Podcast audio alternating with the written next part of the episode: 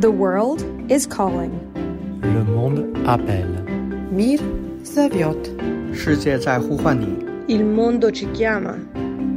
Werden Keller. Har indført sanktioner, bandlyst russiske banker, konfiskeret rige russeres villager, og vi sender tonsvis af våben og penge afsted til Ukraine. Men samtidig sender vi hver dag milliarder af kroner ned i lommen på Putin og hans krigsmaskine, når vi i Europa køber russisk olie og gas. Derfor spørger jeg i dag, kan vi overhovedet finde ud af at ramme Putin der, hvor det gør ondt? Velkommen til Verden kalder på Radio 4, programmet, hvor vi har den luksus at bruge 50 minutter på at finde alle brikkerne til at svare på et vigtigt spørgsmål. Jeg hedder Stine Krohmann Dragsted.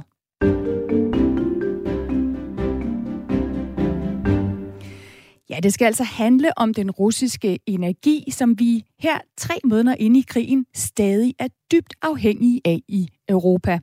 Senere i programmet, der skal vi til Esbjerg for at høre, om vindmøller er en realistisk erstatning for Putins gas og olie, eller om vi måske skal kigge dybt i Nordsøen efter flere fossile brændsler.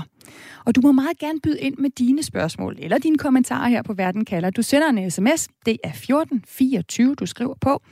Hvad mener du står i vejen for, at vi kan ramme Putin der, hvor det gør ondt? 1424 er nummeret, du kan skrive ind på. Men øh, vi starter i Bruxelles, hvor, i, altså, hvor EU i de her dage forgæves forsøger at forbyde russisk olie. Og det er noget, du følger med i, Mads Anneberg, øh, Radio 4's europakorrespondent. Velkommen til. Mange tak. Mads, et stop for import af russisk olie, er det symbolsk, eller er det rent faktisk noget, der vil ramme Rusland hårdt? Nej, det er virkelig noget, der batter. Altså generelt så er energi jo den største eksportindtægt, som Rusland har overhovedet. Og selv efter krigens begyndelse, så har EU sendt så mange penge til Rusland for energi, at det får vores støtte til Ukraine til fuldstændig at, at blegne. Øh, der er faktisk nogen, der har lavet sådan en live-tæller, hvor man simpelthen kan se, hvor meget vi har betalt russerne siden invasionen den 24. februar. Øhm, det er en, en finsk miljøtænketank, der hedder Center for Research on Energy and Clean Air. Og hvis man går ind på deres hjemmeside, så kan man se den her tæller, der bare står tigger løs. Og lige nu der er vi oppe på 53 milliarder euro 648 millioner 748.000, og den, den tæller for hurtigt nærmest til, at jeg kan, til, at jeg kan nå at være med. Det er lige underkanten af 400 milliarder kroner. Det, det er rigtig, rigtig mange penge, som vi har afleveret i Rusland siden krigens begyndelse. Øhm, og så vil jeg sige, at der bliver talt meget om russisk gas, men det er jo faktisk sådan, at hvis du kigger på de seneste år, jamen så har Rusland tjent væsentligt mere på olie, end de har på gas. Øh, sidste år var det godt fire gange så meget. Så det, det er en af de største pengehaner, Putin overhovedet har, det her med olie. Og, og på den måde er det gennem et stop for russisk olie, at vi virkelig kan, kan ramme Rusland der, hvor, hvor det gør ondt. Så når nu det er så svært med, med gassen, fordi den kommer igennem de her gasrørledninger, og olie måske kunne være lidt lettere, hvorfor så ikke bare lave et forbud? Altså, hvem er imod det? Jamen altså, der er faktisk en del EU-lande, som har været betænkelige over det. Især nu, hvor olieprisen og måske hele verdensøkonomien er ved at gå fuldstændig amok. Tyskland har tidligere været imod sådan rigtig at røre for meget ved russisk energi. Øhm, der er også et land som Slovakiet, som får mere end 90 procent af deres olie fra Rusland, så det er jo ikke så sjovt for dem, hvis vi stopper for det ved årets udgang, som, øh, som forslaget lyder på lige nu. Men der er altså sket et enormt skifte, og lige nu der er der faktisk kun én sådan rigtig inet modstander tilbage, nemlig Ungarn, som er det land, der lige nu blokerer for, at det, at det kan lade sig gøre. I krigens første måneder, der vedtog EU jo enstemmigt masser af sanktioner. Hvorfor er det anderledes nu? Hvorfor ser vi de her sprækker med for eksempel Ungarn? Ja, det var jo helt vildt i starten, hvor hurtigt vi i EU kunne vedtage sanktioner, når politikerne virkelig ville. Øh, hvis det, som jeg siger, hvis det startede som lidt en, en vedløbshest lige efter invasionen, så er tempoet nu måske ved at ligne det, som vi mere kender fra EU. Øh, det minder mere om et gammelt muldyr, øh, og forklaringen er simpelthen, at det, ja, det vil gøre mere ondt på Rusland, end de ting, der allerede er blevet vedtaget, men det vil også gøre langt mere ondt på os selv. Og derfor så er det sværere for 27 lande simpelthen at blive øh, enige om det her. Så er det overraskende, at det er Ungarn af alle lande, der holder igen med de her stærkere sanktioner, specielt når vi kigger på olie. Jeg sige, det er, en, det er 0% overraskende. Altså, for, på den ene side, der er det et reelt problem for, for Ungarn, som som han er ret afhængig af russisk olie. Men på den anden side, så er det jo også lige efter premierminister Viktor Orbáns øh, drejebog, det her med at smide grus i maskineriet i Bruxelles. Mads Anneberg, Radio 4's Europakorrespondent, vi vender tilbage til dig. Nu skal vi lige vende os imod, hvad det egentlig er, der foregår i Ungarn, siden de får lov til at spænde ben for hele Europas ellers øh, enige front.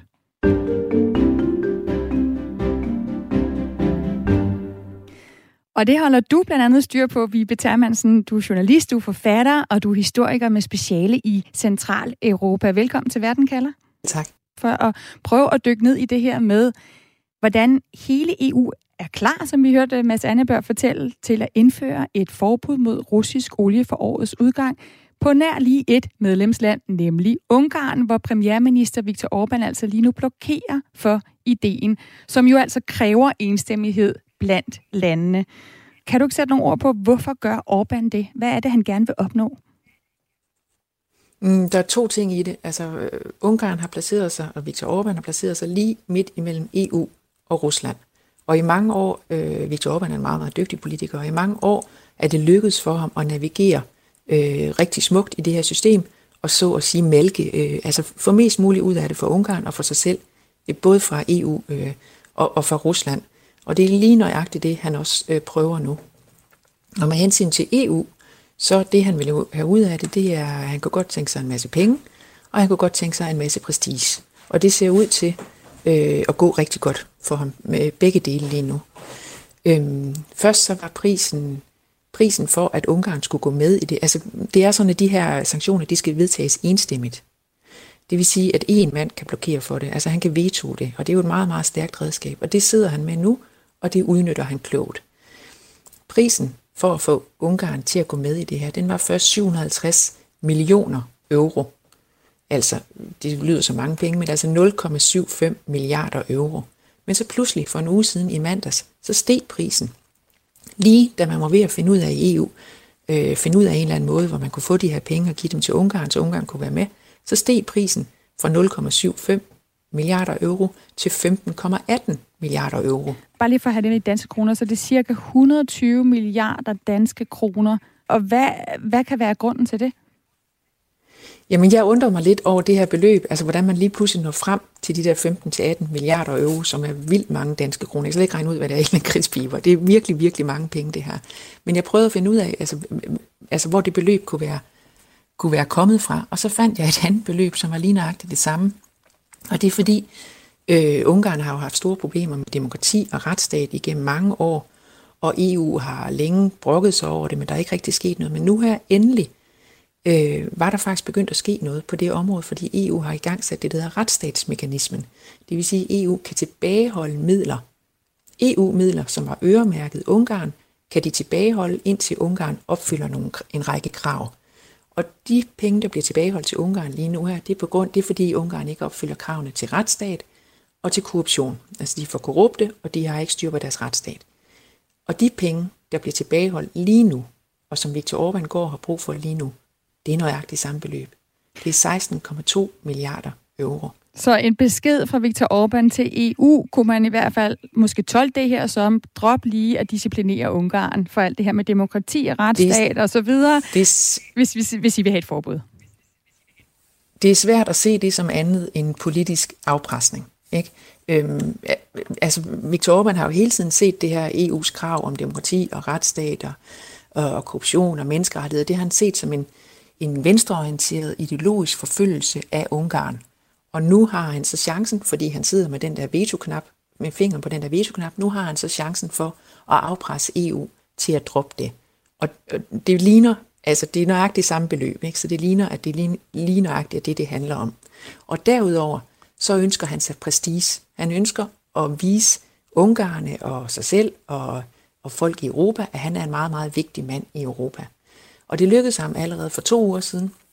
Der fik han Ursula von der Leyen, som jo er chef for det hele, øh, kommissionsformand, til at flyve til Budapest for at tale med ham. Altså det var hende, der måtte flyve til Budapest. Det er meget vigtigt i diplomatiet, hvem der flyver hvorhen. Men det var altså hende, der måtte flyve til Budapest for at møde ham og prøve at overtale ham, og det ville han ikke. Og så dagen efter ringede Macron, øh, den franske præsident, til ham, det hjalp heller ikke. Øh, og så kan han sådan lægge billeder af det på sin Facebook, for ligesom at vise sine vælgere, at de kan hoppe og danse og gøre alt, hvad de vil i EU. Det er far her, der bestemmer. Og nu ser det ud til, altså der var stadigvæk, det var gået 14 dage, der var stadigvæk ikke kommet en aftale. Og nu ser det ud som om, at han kan få det skudt helt hen til slutningen af maj, hvor der er et EU-topmøde.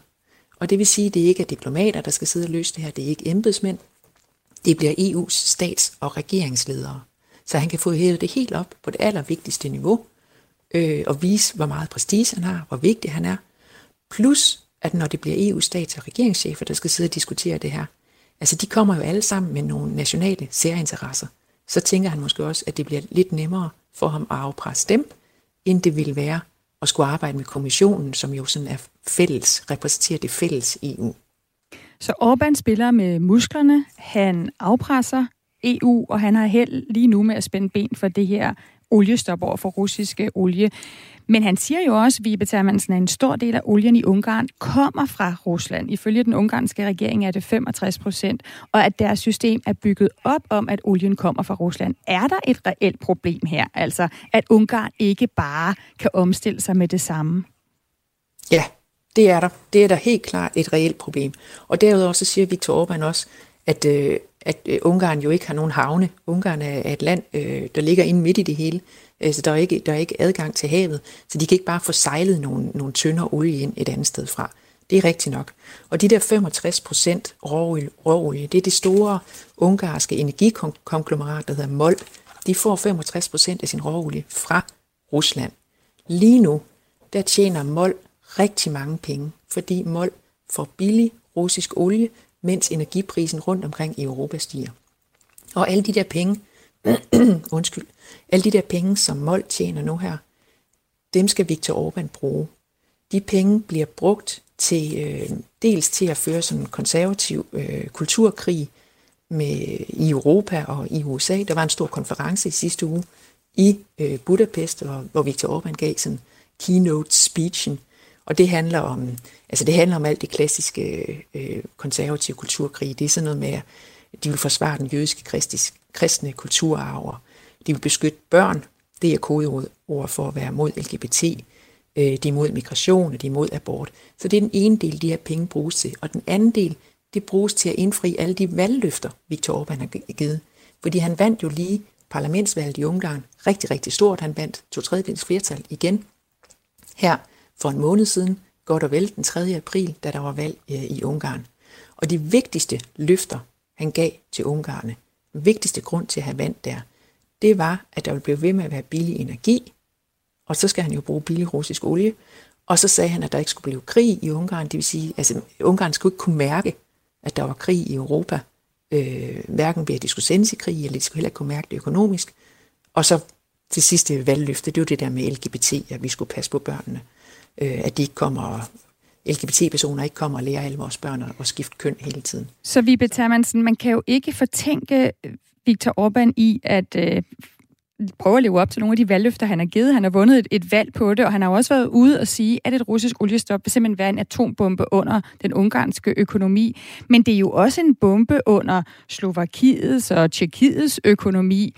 De har givet sig over for EU. Hvad er forskellen her? Jamen, øh, forhold til Rusland er utrolig vigtigt øh, for Viktor Orbán, og det er det altså øh, af praktiske og økonomiske øh, øh, grunde, altså fordi, øh, fordi de faktisk får rigtig meget olie derfra, og fordi de tjener mange penge på det, og fordi Viktor Orbán skal bruge det øh, til, til at købe sine vælgere her. Men, men det er også bare et meget, meget nært forhold. Altså, han har bygget op igennem mange år et meget nært forhold til Rusland. Tilbage fra 2014, hvor der blev lavet en aftale, som Rusland var med i, om, om et nyt atomkraftværk, øh, PAX. Øh, der blev øh, udenrigsministeren Peter Shiato, han blev også udpeget dengang i 2014. Peter Shiato har meget, meget nære forbindelser til Rusland.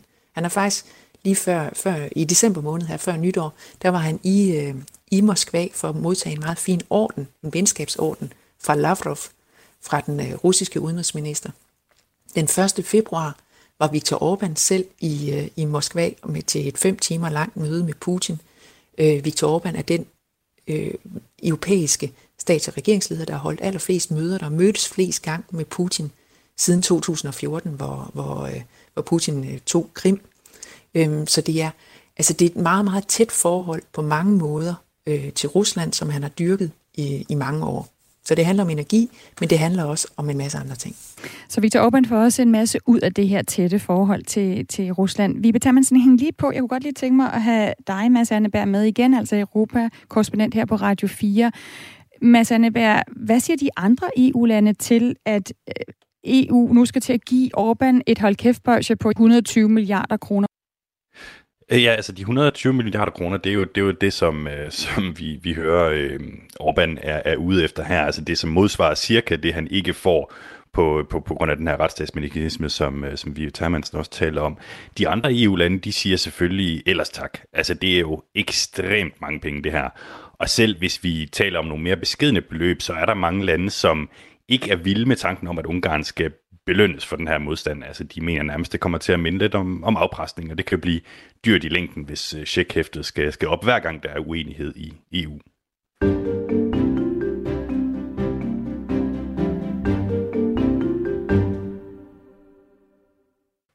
Vi kigger jo altså i dag her i Verden kalder på, om vi overhovedet kan finde ud af at ramme Putin der, hvor det gør ondt. Og vi ser blandt andet på olie, fordi vi er stor importør fra Rusland, og derigennem kaster vi en masse penge i Putins krigsmaskine.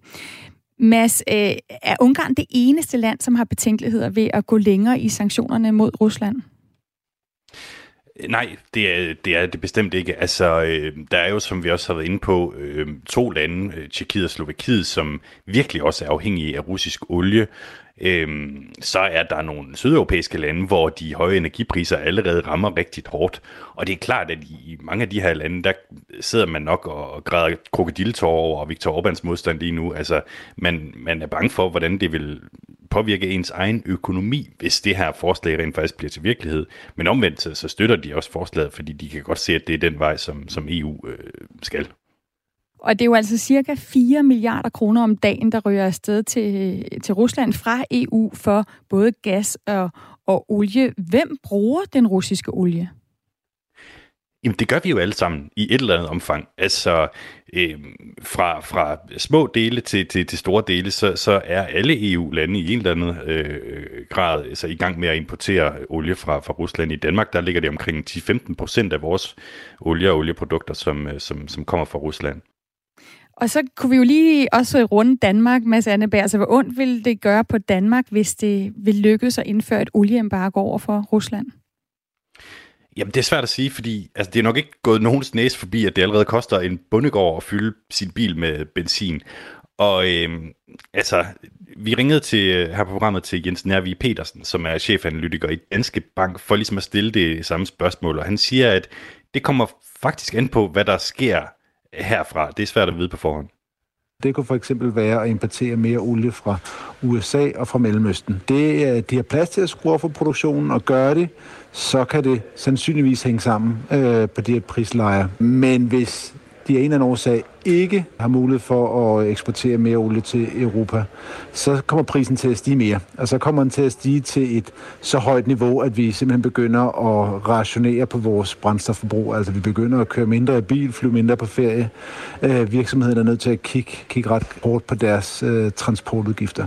Ja, så han siger, at hvis vi finder en erstatning, det kunne for eksempel være mere olie fra USA og Mellemøsten, så er det egentlig ikke så slemt. Altså ikke værre end det er nu lige nu i hvert fald. Øh, hvis ikke vi gør, så kan vi begynde at tale om, at det, at det bliver et problem.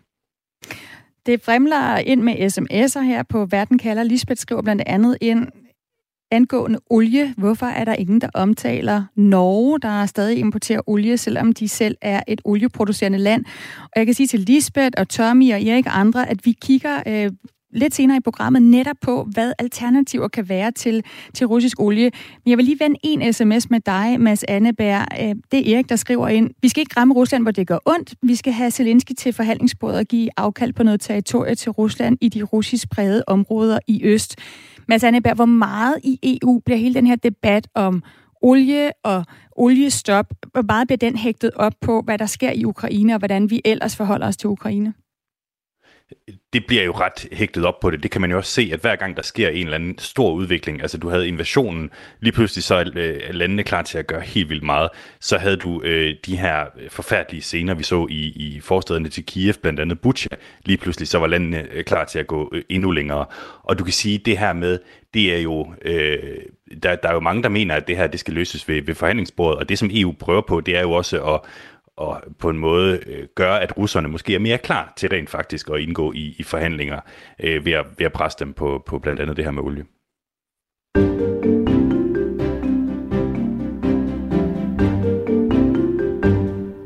Kan vi overhovedet finde ud af at ramme Putin der, hvor det gør ondt? Det er spørgsmålet, jeg stiller i dag her i Verden kalder. Og lad os lige prøve at samle op på, hvorfor EU er ved at slå revner i netop det her spørgsmål. Mads Anneberg, altså Europakorrespondent her på Radio 4.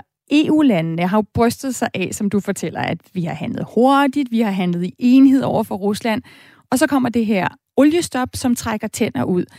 Er det simpelthen fordi, vi er nået dertil, hvor det begynder at gøre ondt på os selv? Ja, er det korte svar. Det er klart, at det er nemmere at blive enige om de her sanktioner, hvis ikke det går ondt på en selv. Øh, så det er lidt en stejl bjergetappe, som EU er kommet frem til her. Øh, hvis jeg skal lægge hovedet på blokken, så forestiller jeg mig, at vi får det her olieembargo på en eller anden måde, fordi den velbevarede hemmelighed her er jo, at i virkeligheden så kan 26 EU-lande, øh, inklusive Danmark, jo bare gå sammen og så sige, nu stopper vi med at importere russisk olie. Og øh, det har den tyske økonomiminister været ude så sent som i dag at sige, at det er Tyskland altså klar til bare at gøre det her uden Ungarn. Men det er klart, at det vidner om, at de lavt hængende frugter på sanktionstræet, de er ved at være plukket, og alt, der kommer herfra, det bliver sværere at blive enige om. Og Vibe Termansen, journalist og forfatter og historiker med speciale i Centraleuropa. Jeg kunne også godt tænke mig at have dig med til at prøve at konkludere på det her oliestop i forhold til EU. Hvis vi kigger på Viktor Orbans tidligere konflikter med EU, tror du så, han vil fortsætte med at blokere for russisk oliestop, eller giver han sig til sidst? han, gør, han gør lige nøjagtigt det, han, han mener, han får mest øh, ud af. Altså, og lige nu er der to måder, han kan få penge. Ikke? Han, kan få, han har brug for penge. Han har brug for penge for at få sit politiske system til at virke derhjemme. Han kan få de penge fra EU, eller han kan få de penge fra Rusland som, som, som billig energi. Øhm, og lige nu spiller han på begge heste. Og hvor det helt præcist ender, det kommer han på, hvor han mener, han kan få, han kan få mest ud af det. Hvad tror du, altså, Vibe Termansen? Jeg, jeg ved ikke, hvad han ender med at gøre. Det kommer an på, hvad han mener, han, han får mest ud af. Ja, så vi vil kunne ramme Putin der, hvor det går ondt, men det kommer til at koste os uanset hvad. Fordi vi ikke har fået styr på Ungarn, før der blev krig i Ukraine. Mm. Vibe Termansen, journalist og forfatter øh, med speciale i Centraleuropa. Tusind tak for, at øh, du var med her og give din analyse af, hvordan EU's fælles front mod Putin bliver udfordret af Ungarn. Selv tak. Mads Anneberg, skal vi ikke lige til sidst også tjekke, hvor mange penge vi har givet til Rusland, mens vi har talt sammen? Du har stået og holdt øje med den her tæller, som tæller, hvor mange milliarder vi faktisk øh, putter ned i Putins lomme. Jo, det synes jeg da, vi skal. Den uh, tigger lystigt løs her uh, på, mit, uh, på mit skrivebord. Uh, nu fik jeg jo sagt, at vi uh, Øh, programmets øh, start ligesom lå på 53 milliarder euro, 648 millioner, et eller andet, et eller andet, et eller andet. Nu er vi så oppe på øh, 53 milliarder euro, 654 millioner, så den er lige hoppet. Mm, hvis min hovedregning fungerer her til morgen, så er det, så er det altså øh, 6 millioner euro, det vil sige ja, i, øh, i, i rundtal omkring øh, 40, 40 millioner kroner, som, øh, som der er kommet, der er blevet sendt til Rusland i mellemtiden. The world is calling. Le monde appelle. Mir Zaviot. 世界在呼唤你. Il mondo ci chiama. Verden kalder. Kan vi overhovedet finde ud af at ramme Putin der, hvor det gør ondt? Det er spørgsmålet, som jeg stiller i denne udgave af Verden kalder på Radio 4. For EU skal stoppe med at importere olie fra Rusland for ikke at finansiere Putins krig i Ukraine. Det mener EU-kommissionen og en lang række lande heriblandt Danmark. Så lad os se på, hvordan vi kan sikre, at det overhovedet rammer Putin, hvis vi stopper med at købe hans olie. Jeg hedder Stine Kromand Dragsted, og du kan være med til at stille spørgsmål eller skrive kommentar ind til den her udsendelse. Du skriver en sms, og den sender du afsted til 1424. Du må meget gerne skrive dit navn og hvor i landet du skriver fra. Og øh, ja, der er kommet mange sms'er ind. Vi skal nok prøve at tage så mange af dem i løbet af, af udsendelsen, for jeg har nemlig en øh, kyndig øh, energiekspert og sikkerhedspolitisk ekspert med, og det er dig, øh, Trine Willemsen Berling, der forsker i sikkerhedspolitik og energi ved Dansk Institut for Internationale Studier. Velkommen til Verden kalder. Tak. Og inden vi undersøger, hvad der skal til for, at EU's oliestop faktisk rammer Rusland, Trine, så vil jeg gerne lige spørge dig helt kort. Hvad er det egentlig, vi bruger olien til? Altså for eksempel den russiske olie, vi køber her i Danmark. Jamen, olie bliver jo øh, importeret i en råolieform, øh, men kan også importeres og eksporteres i forskellige produkter. Det kan være diesel til bilerne. Øh, vi kan lave plastik ud af olie. Øh, og hvis man har et oliefyr, så ved man også, at øh, man kan bruge olie til at varme sit hus op med. Så det er mange, mange forskellige former for anvendelse, olie har. Godt. Så lad os kigge på, hvad det er, der skal til for, at et EU-oliestop i forhold til Rusland, at det faktisk vil batte, at det vil gøre ondt på Rusland. Hvad er det, vi skal bide mærke i her, hvis vi vil have, at vi rammer Rusland med et oliestop, Trine? Jamen, olie er jo, er jo et naturligt produkt, og det kan man transportere på to måder. Øhm, enten gennem rør, ligesom øh, det meste af den gas, vi får fra Rusland, kommer gennem rør, eller også i tønder. Altså man kan sejle det rundt på skibe, eller, eller have, køre det på togvogne.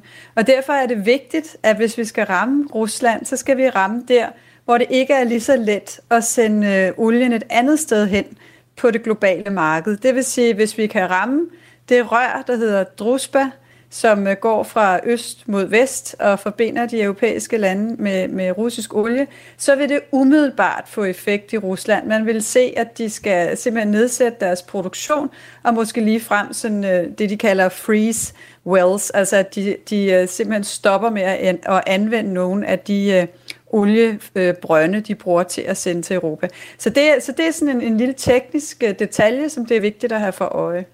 Øhm, så er det også vigtigt, at man kigger på øh, den olie, som så kommer i tønder, altså hvor let den egentlig passer ind i andre landes øh, tekniske systemer til at modtage den. Fordi olie er ikke bare olie. Den olie, der kommer fra Rusland, er, er en helt anden type end den, vi for eksempel selv har i Nordsøen. Så, så man skal kigge på, hvad er det for nogle systemer, den ellers vil passe ind i. Og her er et af de store øh, springpunkter, øh, eller springende punkter, det er, det er Indien. Et land som Indien, som allerede i dag med glæde aftager russisk olie til discountpris, fordi de godt kan finde ud af at putte den russiske råolie ind i deres systemer.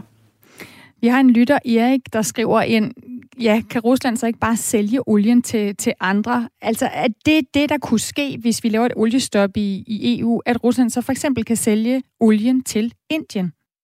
Ja, det er det, og det gør de allerede, fordi markederne reagerede ret tidligt på invasionen øh, i Europa og i Vesten. Der begyndte man faktisk at og begynde at vælge andre former for olie end den russiske, hvis man kunne. Men, men man skal have helt klart for øje, at det er jo ikke alle lande, der umiddelbart kan omstille sig til russisk råolie. Og derudover, hvis vi får stoppet den store drusbalinje, som, øh, som, som Central- og Østeuropa er, er forbundet til, jamen så vil det olie jo ikke nemt kunne flyde et andet sted hen. Der skal man bygge infrastruktur øh, i Rusland andre steder hen, for at kunne sende den for eksempel til Kina eller andre steder. Eller også så skal man til at, at, at transportere den på andre måder, men så skal man også have bygget infrastruktur til at få den ud til der, hvor der er nogle knudepunkter til transport, så man vil kunne transportere olien i igen. Så, så jo, de kan bare sælge til andre, men de kan ikke nemt sælge alt råber stop til andre, fordi der er nogle tekniske specifikationer, som, som simpelthen, jo heldigvis for EU i den her situation, øhm, sætter nogle snubletråde ud for, den russi, for et russisk forsøg på alligevel at få deres penge hjem for olien. Og Trine Willemsen Berling, der er også et par lytter, der skriver ind med det her spørgsmål om, hvorfor det egentlig er, at vi i Europa er blevet så afhængige af russisk energi. Jamen, det er et godt spørgsmål. Altså, det, det handler jo om vores historie. Det handler om, at Sovjetunionen under den kolde krig øh, faktisk begyndte at bygge de her meget lange øh, rørlinjer, øh, helt fra deres øh, felter i, i nord og, og øst, og så, og så helt ind i de østeuropæiske lande, som var en del af Sovjetunionen. Så olien, der ser vi Druspa, jamen den forsyner helt frem til Østtyskland, og gør det faktisk stadig den dag i dag. Øhm, gaslinjerne er samme historie. Der er simpelthen kommet meget lange øh, gasrør, man har bygget op under det sovjetiske imperium, både for at kunne give dem energi, de her lande, men også for at have sådan en del af hersk, Øhm, øh, hvad skal man sige, snor i dem, så man sagde, ja, hvis ikke, I, hvis ikke I opfører jer ordentligt, så slukker vi for energien. Så vi er blevet så afhængige, fordi vi har en historie, der hedder den kolde krig og Sovjetunionen i halvdelen af Europa, og så også fordi der er mange af landene, som ikke hurtigt begyndte at indse, jamen de her infrastrukturer har, har faktisk en politisk afhængighed indbygget, og derfor bliver vi nødt til at komme ud af dem. Og der må vi sige, der er også en, et splittet Øst- og Centraleuropa. Litauen har bygget sig ud af det her og sagde i weekenden farvel til gas, olie og elektricitet fra Rusland, mens at lande som Slovakiet, Tjekkiet og Ungarn, de ligger lige præcis på Druspa-rørlinjens øh, linje, og, og de har heller ikke fået bygget sig ud af den afhængighed, som ligger i de rør. Og så har vi et land som Tyskland, som jo også stadigvæk har raffinaderier, der er russisk ejet. I fredags, der havde vi den tyske kansler Olaf Scholz, han havde fint besøg af Katars emir. Katar skal nemlig hjælpe Tyskland med at blive uafhængig af russisk gas, lød det. Trine, hvordan ser du risikoen for, at vi i vores iver øh, for at komme ud af vores russiske energiafhængighed, kan ende med at blive afhængige af andre autokrater i for eksempel Mellemøsten? Jamen, det ligger lige for. Altså, det, Europa står lige nu i en situation, hvor vi skal skære, hvis vi følger den plan, der hedder Repower EU, som kommissionen kom med i marts, og som der kom en, en udmyndning af en rigtig plan om i sidste uge, så skal vi skære ned med to tredjedel af den gas, vi importerer fra Rusland inden nytår. Og det betyder, at vi skal ud, og det har vi allerede været, og lede efter gassen andre steder. Og der er det de her øh, aftaler, blandt andet med Katar, men også, øh, der var en stor aftale med USA, øh, mellem USA og EU, om at de kunne levere 15 milliarder kubikmeter mere flydende naturgas i år. Det er noget af det, som, som man forsøger at få, få sine fingre i, men det betyder også, at vi skal opgradere den infrastruktur, vi har i Europa, til at modtage det. Fordi det kan ikke bare sådan øh, skydes ind i den eksisterende infrastruktur, i hvert fald ikke i de mængder, vi har behov for. Og der er risikoen jo dels, som du selv nævner, at vi får lavet nogle aftaler med, med lande, som vi på en god dag nok ikke deler en eneste værdi med. Og, og den anden risiko, det er jo så den mere langsigtede for klimaet, det er, at vi risikerer at bygge noget infrastruktur, som låser os politisk i en fossil energiform i lang tid. Altså den her sorte energiform, som skader klimaet. Og der, der må vi så håbe på, at der kan komme nogle tekniske løsninger på, at man så kan skyde noget grønt og noget blå hydrogen ind, det er i hvert fald det EU taler om, i de her øh, stationer, sådan så man på sigt også kan bruge dem til at komme ud af den sorte energi. Men altså lige, lige her foran os ligger der virkelig en hel masse øh, forhindringer, vi skal hen over, som både er af politisk og teknisk karakter. Og derfor så var der en masse, der tog til Esbjerg i sidste uge. Vi skal lige høre, hvad de lavede der, og hvad det har med russisk olie og gas at gøre.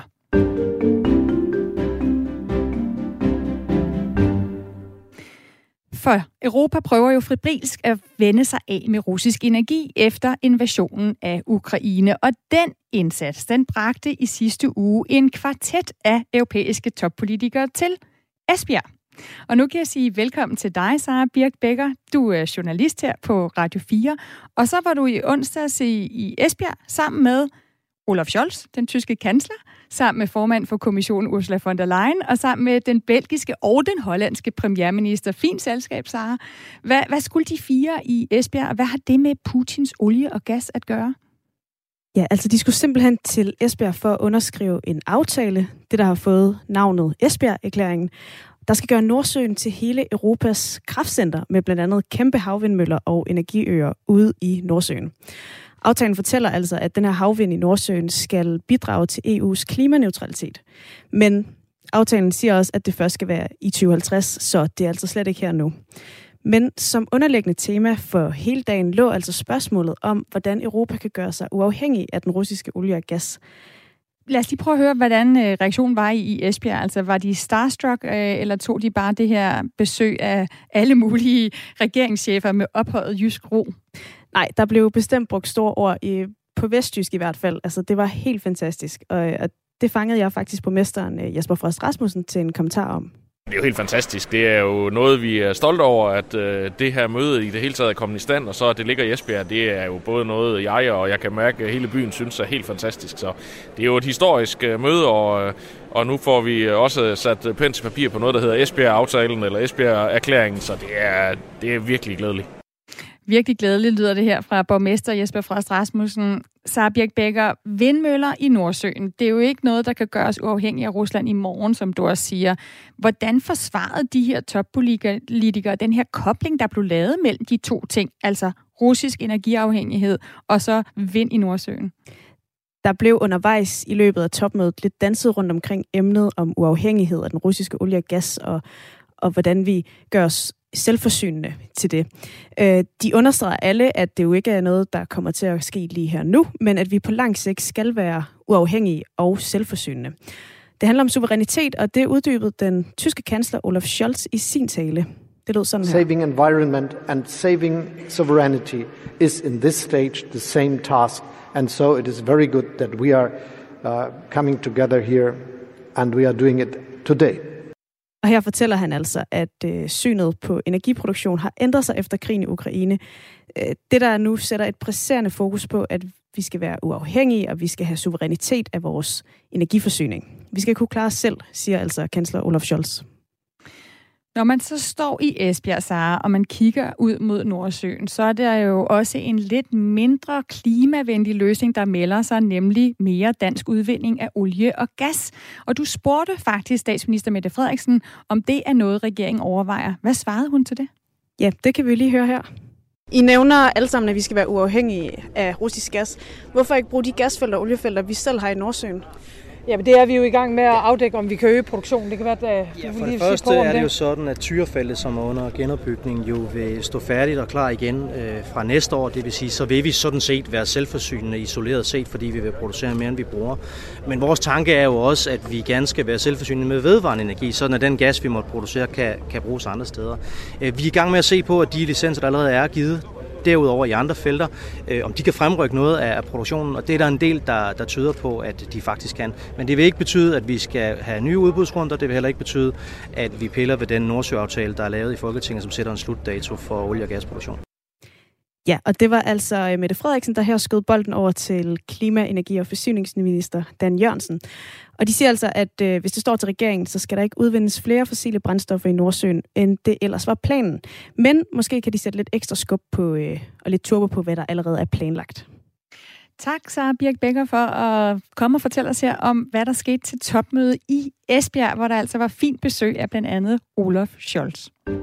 Du lytter til Verden kalder på Radio 4.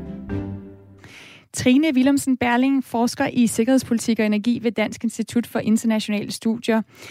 Hvis vi skal frigøre os fra russisk energi, så skal der jo findes alternativer. Og en mulighed, hvis vi lige holder fast i det her svar, vi hørte fra Mette Frederiksen og Dan Jørgensen, så er det jo, at vi hiver mere gas og olie op af, af Nordsøen.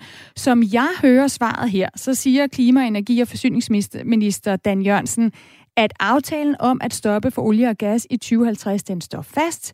Det er det, der hedder det nationale kompromis, men der kan godt blive tale om at prøve at vride mere gas og olie ud af Nordsøen indtil da. Hvad tænker du om det svar? Jamen det er klart, at man øh, fra europæisk side har, har været rundt og set på øh, de lande i Europa, som er olie- og gasproducerende, og det er jo blandt andet Danmark, hvad de kan bibringe i den her situation, hvor vi hvor vi kan komme ud for det, man kan kalde knaphed på, på gas. Og der, der er det klart, at Danmark har jo Nordsøen. Vi har været dygtige til at hente olie og gas op. Vi har været selvforsynende i Danmark siden midten af 90'erne. Så det ligger der lige til højre benet og spørge Danmark, hvad kan I komme med? Og der ved jeg jo, at nu snart, nu nævnte de selv Tyrafeltet, som, som jo lige nu er taget ud af produktion, fordi det er under omstrukturering, men det kommer op igen næste år. Det kommer kun sådan lige præcis til at dække det gasforbrug, vi har i Danmark normalt. Altså, men Danmark kan komme ud af forbruget af russisk gas til næste år, men vi kan ikke rigtig sende så meget videre ned i Europa, fordi vi stort set bruger det hele selv.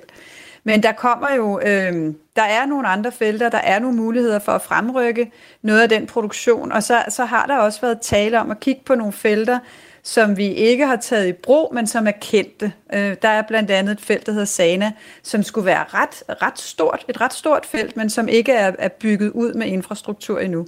Men jeg tror, som krisen begynder at krasse i Europa, så, så vil man kigge længere og længere, med længere og længere, hvad skal man sige, øh, blikke efter nogle af de her felter, vi ved er der, og som jo politisk set øh, er nogle bedre gasfelter end, end mange af de andre folk, vi så ender med at lave aftaler med ude i verden.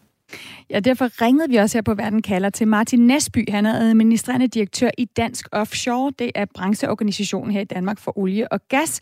Og han siger, at, det, øh, at Danmark øh, selv stadig kan producere olie og gas, at det giver en sikkerhed. Først og fremmest er altså forsyningssikkerhed og national sikkerhed, det er jo noget, der går hånd i hånd. Der har vi jo altså den situation i Danmark, at vi, øh, vi, har, vi har producenter, og at vi øhm, øh, forventer at fortsætte med at producere, og i forbindelse med den nationale aftale, politiske aftale, der er vi som industri blevet bedt om at kigge på, hvad, hvad har vi egentlig på hylderne, sådan at vi kan få noget af den, øh, nogle af de, de olie der, øh, som ikke længere vil komme fra Rusland. Hvordan kan vi erstatte det med vores egen produktion? Så i Dansk Offshore er de blevet bedt om at se, hvad de har på hylderne i form af mere dansk øh, olie og gas, som du også nævner, Trine. Hvad er det for en afvejning, der ligger i, om mere dansk olie fra Nordsøen for eksempel kan være et alternativ til russisk olie her på den korte bane inden 2050, hvor vi jo skal stoppe helt med olieproduktionen? Jeg tror, at det, de egentlig primært er blevet bedt om, det er at finde gas. For det var dengang, at diskussionen primært handlede om gas i EU. Men jeg vil tro, at man nu kigger på både gas og olie. Man kan sige, at hvis man skal til at udbygge felter med infrastruktur og med transport i land osv., så, så er det jo heller ikke noget, der står klar i morgen. Øh, men hvis det, er, hvis det er en... Øh, hvis det er en lidt længere langsigtet, en lidt mere langsigtet investering, så vil olie- og gasudvinding på steder, der ikke allerede er i gang, være en mulighed i Danmark også. Øhm, det kommer lidt an på, hvad der ligger i, hvad har vi på, hylderne. Er det noget, vi allerede er i gang med at fiske op, eller er det noget, hvor vi, som for eksempel Sanafeltet, skal ud og sætte noget nyt op omkring det, for at kunne øh, hive den gas op, der ligger dernede. Så, øh, men der er jo så også det, som Scholz, jeg noterede mig, Scholz han sagde noget, nemlig at i dag går miljø, klimahensyn og suverænitet og sikkerhed hånd i hånd, og er sådan set bundet op på den samme løsning, som er den grønne teknologi. Og derfor så er det jo lidt, man kan sige, det kan godt være, at vi har brug for den danske olie og gas lige nu, fordi det virkelig, krisen krasser. Men på den lange bane, så er det jo ikke der, vi skaber international sikkerhed. Det er jo, hvis vi formår at få det, som Esbjerg-erklæringen også gerne vil have sat i søen, nemlig den grønne øh, teknologi helt op i gear. Og så er det, vi skal så håbe på, at det, som de kan producere ude i Nordsøen med den her øh, klimateknologi, som blandt andet øh, energiøerne er, at de kan producere noget flydende brint, for eksempel, som man vil kunne putte ind i de allerede eksisterende gassystemer i landene. Altså det vil jo være, det er jo klima, klima øh, forkæmperens våde drøm, at man kan gøre det, fordi infrastruktur, det binder os. Men hvis vi kan få det omstillet til det grønne, så har vi en rigtig sikkerhedspolitisk løsning, både i forhold til Rusland, men også i forhold til de store klimaforandringer, vi står overfor.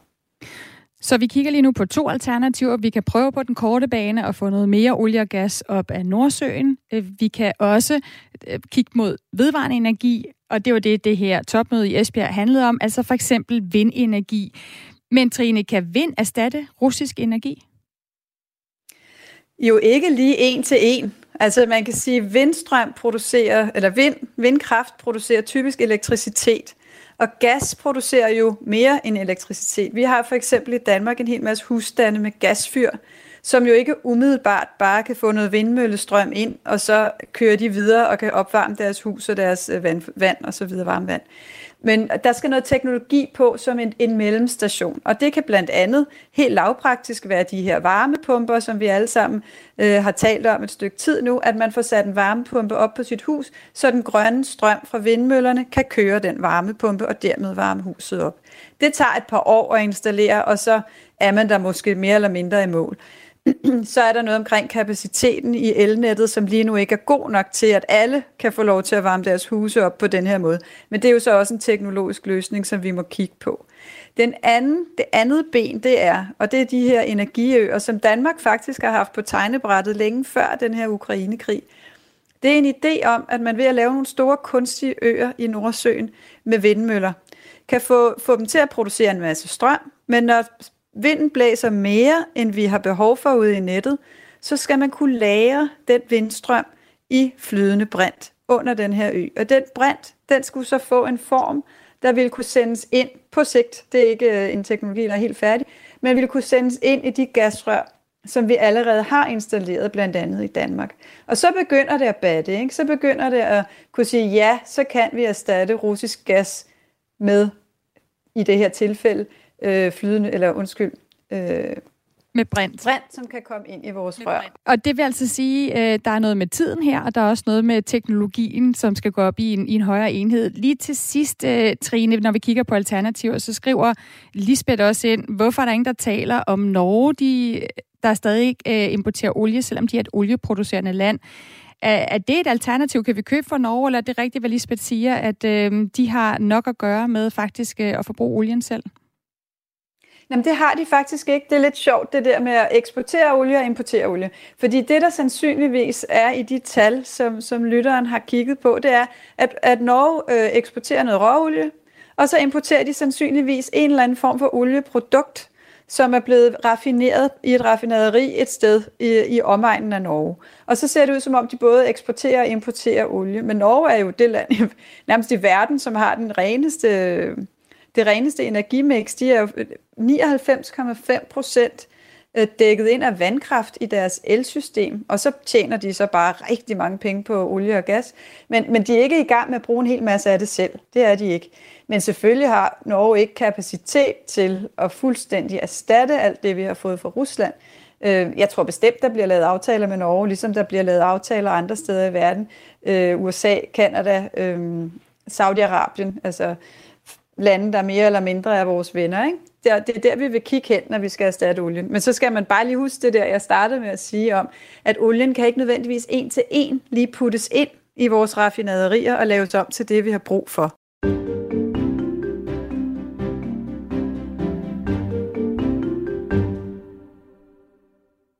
Vi skal lige nå en konklusion her på Verden kalder på dagens spørgsmål, som er, kan vi overhovedet finde ud af at ramme Putin der, hvor det gør ondt?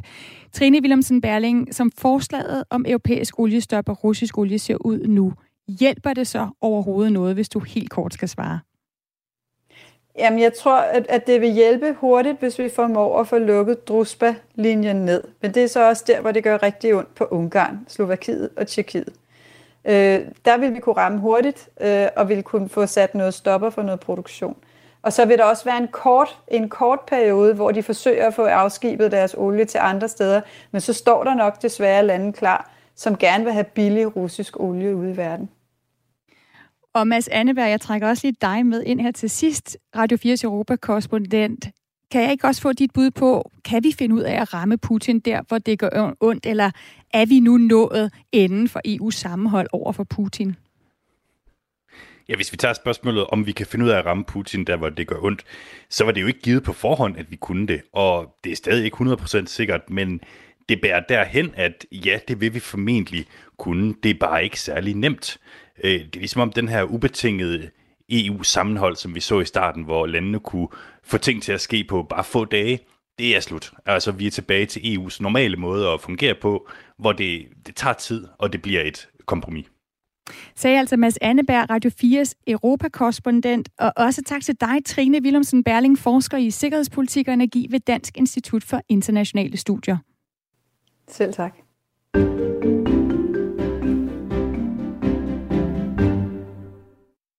Sådan fik vi altså rundet af på spørgsmålet i dag i Verden kalder, om vi overhovedet kan finde ud af at ramme Putin der, hvor det gør ondt, og hvilke alternativer vi har, hvis vi skal kigge mod vedvarende energi, eller måske på, i, på en korte bane, og se om vi kan finde mere gas og olie fra vores egen Nordsø. Husk, at du kan lytte med til Verden kalder, lige når du vil ved at finde vores podcast i Radio 4's app, eller hvor du finder dine podcasts. Jeg hedder Stine Krohmann Dragsted. Jeg tilrettelagde den her udsendelse sammen med Mads Anneberg, Sara Birk Becker og Simon Helberg. Og vores redaktør er som sædvanlig Camilla Høj Eggers. Tak fordi du lyttede med.